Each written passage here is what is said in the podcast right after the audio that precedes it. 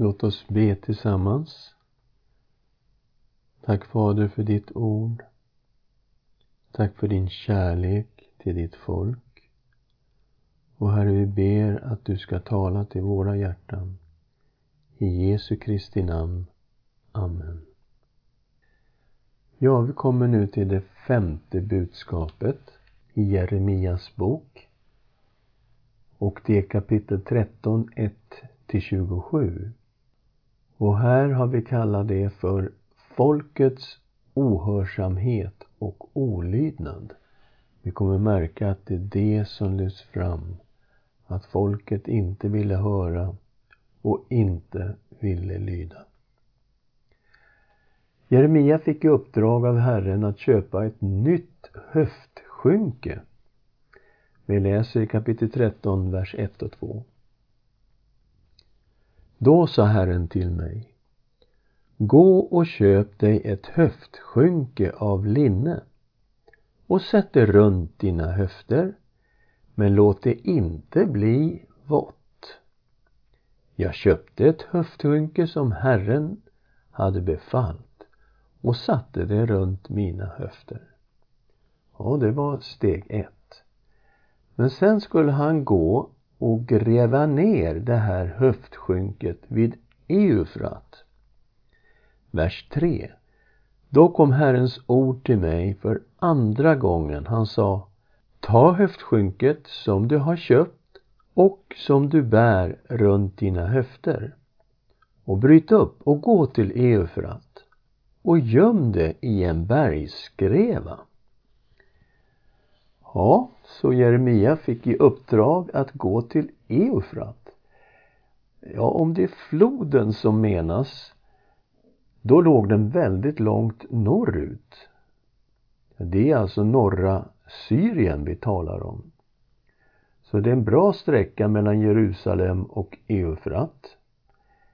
Men en del kommentatorer skulle vilja säga att det nog är en plats som hette Para och som låg ganska nära Anatot i Benjamins område. Om vi läser om Para Josua 18.23. De här namnen är relativt nära varandra och man tänker sig att det är mer rimligt att det är den platsen som menas snarare än floden Eufrat.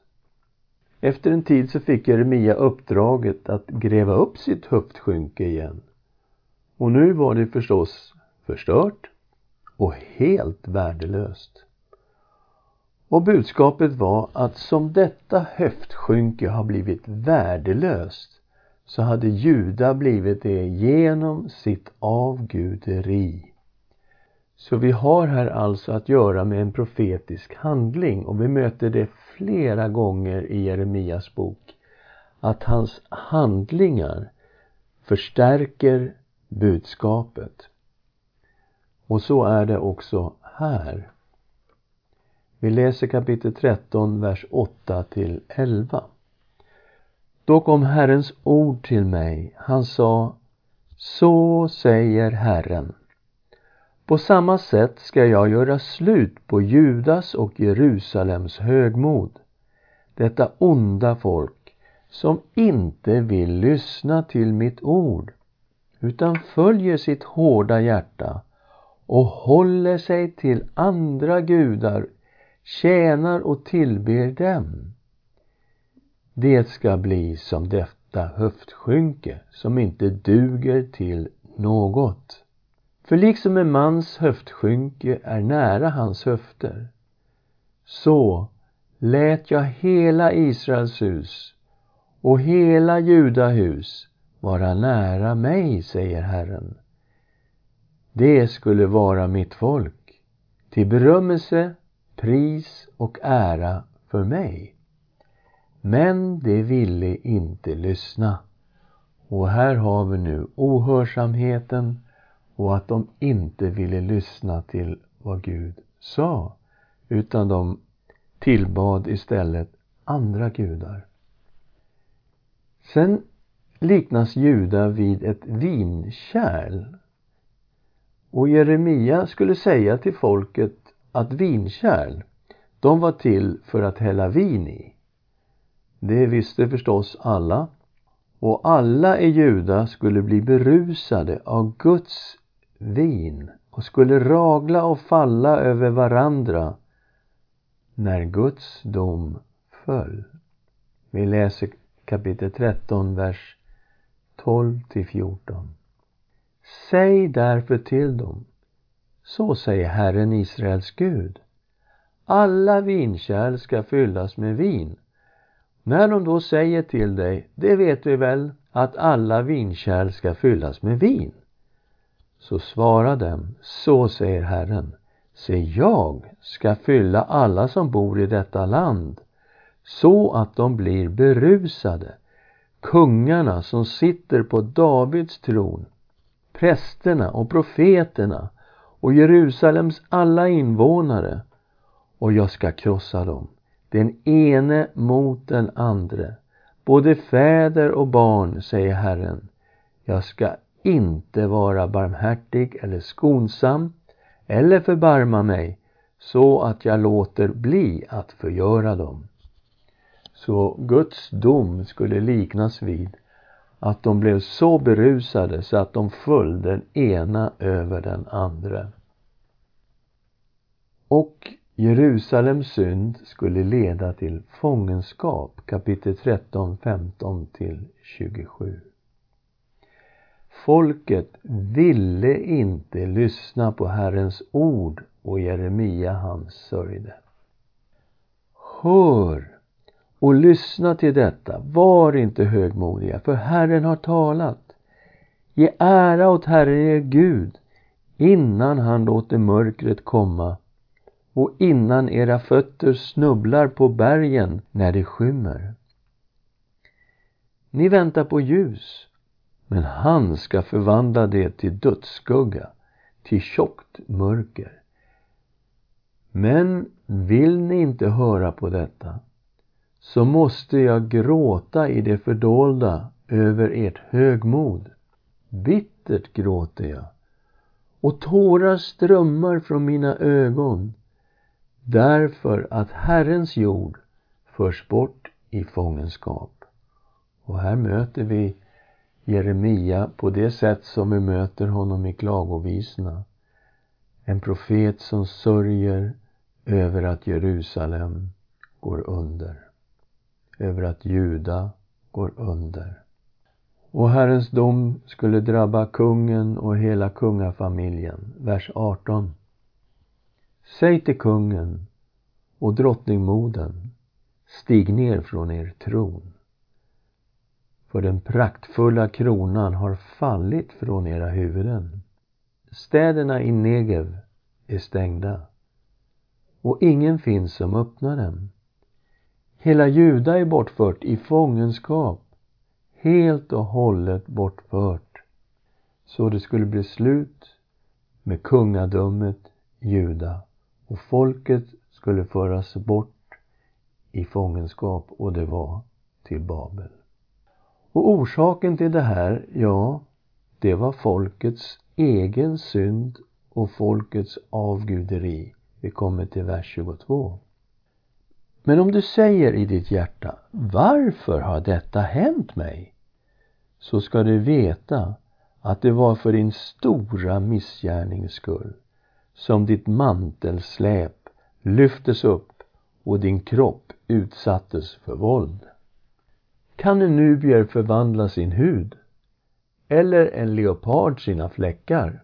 Nej, det går ju inte. Och när vi bodde i Egypten, nubierna, det var Egyptens svarta befolkning. Och de bodde traditionellt längst i söder, närheten av asuan Och de var väldigt mörkhyade. Kan en nubier förvandla sin hud? Nej. Kan en leopard sina fläckar? Nej. Då skulle också ni kunna göra gott. Ni som har vant er att göra ont, med andra ord.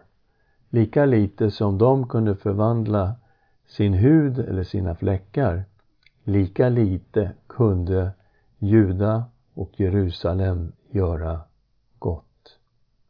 Därför ska jag skingra dem som strå som förs bort av ökenvinden. Det ska vara din lott, den del du får av mig, säger Herren, därför att du har glömt mig och litat till lögn. De hade alltså övergett Herren och istället litat till lögn och det var ju förstås avgudarna som avsågs här. Så det är Juda och Jerusalems egen synd som är orsaken till fångenskapen. De kommer att föras bort av ökenvinden som strån som flyger iväg. Och Gud ska låta skam komma över Jerusalem. Därför ska jag också dra upp mantelsläpet över ditt ansikte så att man ser din skam. Ditt äktenskapsbrott, ditt lideliga frustande, din skamliga otukt. På höjderna och på fälten har jag sett dina vidrigheter. Och här är det ju avgudakulterna som avses, fruktbarhetsriterna som fanns i tillbedjan av Baal och Astarte och Asheran. Och så avslutas det trettonde kapitlet med Ve dig Jerusalem! Hur länge ska det dröja innan du blir ren? Och vi hör här ett eko av Jesus rop över Jerusalem. Vi ska läsa i Lukas kapitel 13, vers 34 till 35. Jerusalem, Jerusalem, du som dödar profeterna och stenar dem som är sända till dig. Hur ofta vill jag inte samla dina barn så som hönan samlar sina kycklingar under vingarna. Men ni ville inte. Nu ska ett hus lämnas åt er själva. Jag säger er, ni kommer inte att se mig förrän ni säger välsignad är han som kommer i Herrens namn. Och här liknar Jesus sig själv vid en höna som samlar kycklingar under vingarna. Jerusalem som dödar profeterna och stenar dem som är sända till henne.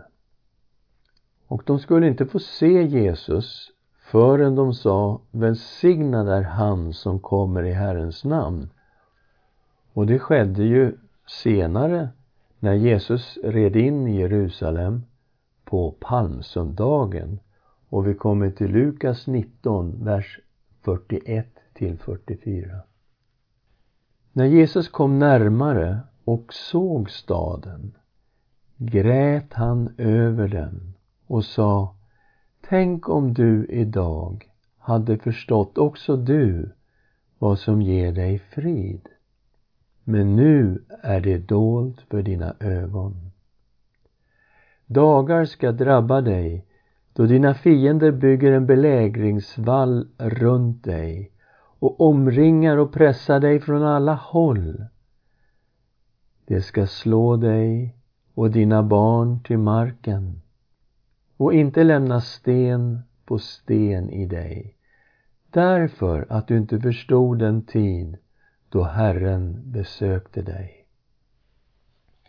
Så här gråter Jesus över Jerusalem och säger att Jerusalem, du har inte förstått vad som ger dig frid, sann shalom. Det är dolt för dina ögon. Och han säger, dagar ska ju komma när man ska kasta upp belägringsvallar mot Jerusalem. Och vi vet att det här skedde år 70 efter Kristus. När romarna intog Jerusalem och förstörde staden, förstörde templet och man lämnade inte sten på sten. Och Jesus talar om vad orsaken är. Därför att du inte förstod den tid då Herren besökte dig. Och när besökte Herren Jerusalem? Ja, det var just då, när Jesus var där. Men det var dolt för dina ögon. Så det var helt avgörande hur man tog emot Jesus Kristus. Och vi vet att det är likadant idag. Men vi hör också idag om väckelser bland judarna. Det är faktiskt tiotusentals judar som har tagit emot Jesus Kristus som sin Herre och Frälsare. Och det sker ganska snabbt nu i vår tid. Och vi tackar Herren för vad han gör ibland judarna. Låt oss be tillsammans. Tack Herre för ditt levande ord. Herre, vi ser här att det är så viktigt att vi inte är ohörsamma och olydiga utan att vi följer dig och inte kompromissar vare sig med synd eller med moderna avgudar. Tack Jesus Kristus att du har kommit och tack att du har öppnat våra ögon så vi har fått se att du är vår Herre och vår Frälsare. Och vi vill följa dig. Och vi tackar dig för vad du gör ibland judarna idag. Att det faktiskt är tiotusentals judar som har lärt känna dig som sin Herre och Frälsare. Tiden har kommit för Israel och för Jerusalem. I Jesu Kristi namn. Amen.